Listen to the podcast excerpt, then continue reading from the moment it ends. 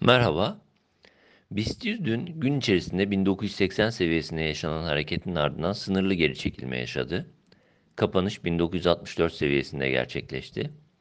Endekste 1810 civarında bulunan 50 günlük ortalama üzerindeki hareketin verdiği iyimserlikle yakın direnç bölgesi olarak belirttiğimiz 1950-1980 bandının üst sınırı gün içerisinde tekrar test edildi.